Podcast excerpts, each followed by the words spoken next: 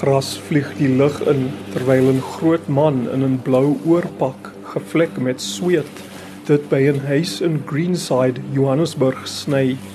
Mike Dube het 15 jaar gelede in die stad vanaf Bulawayo met sy familie aangekom. Die Zimbabwe Solidariteitsforum sê duisende Zimbabwese mans soos Dube werk as tuiniers in die voorstede van Suid-Afrika. Dube sê hy hou daarvan om buite te werk, hoewel dit harde fisiese werk is. Cleaning, digging, taking the weeds out, yeah, and cleaning the swimming pool. Dube sê hy het stories gehoor van Suid-Afrikaners wat Zimbabwese werkers uitbuit en hulle baie min betaal. Maar hy sê Suid-Afrika was meesal net goed vir hom en sy familie.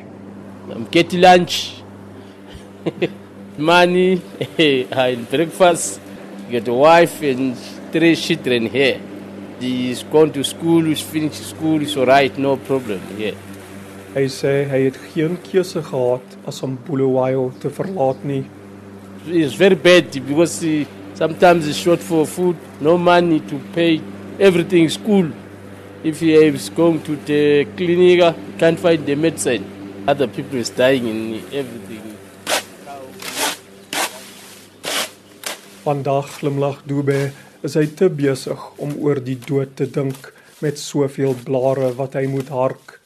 In Suid-Afrika doen die Dube familie goed in vergelyking met die verlede.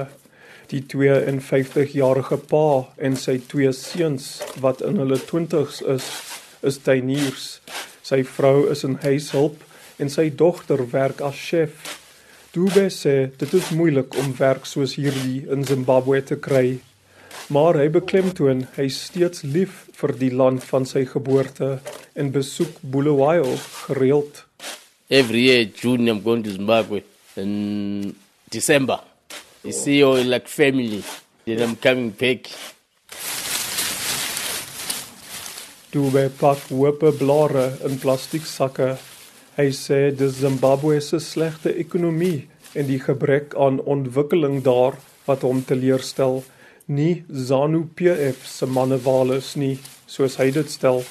No, it's worse. It's worse, worse, worse. But yes, it's better because you get everything here. And then you get money to send to Zimbabwe to buy some millimeter.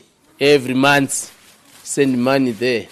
Dube sê die meeste Zimbabweërs met wie hy oor die onlangse politieke veranderinge in hulle tuisland gepraat het, voel dieselfde. If Mugabe was out, I'm happy. Because Mugabe he don't care about the people. Otherwise, he's changed a little bit. Terwyl hy nog 'n stuk grasperk netjies maak, lag Dube en sê hy sal nie teruggaan Zimbabwe toe nie omdat hy nie krokodille vertrou nie. Die grap verwys na die land se nuwe leier, Emmerson Mnangagwa, wat as die krokodil weens sy politieke genadeloosheid bekend staan. Dube sê as Mnangagwa net so toegewyd is aan die verbetering van alle Zimbabweërs se lewens, soos aan sy politieke loopbaan, sal Dube se droom om eendag weer in Bulawayo te bly, miskien verwesenlik word. Ek is Darren Taylor in Johannesburg.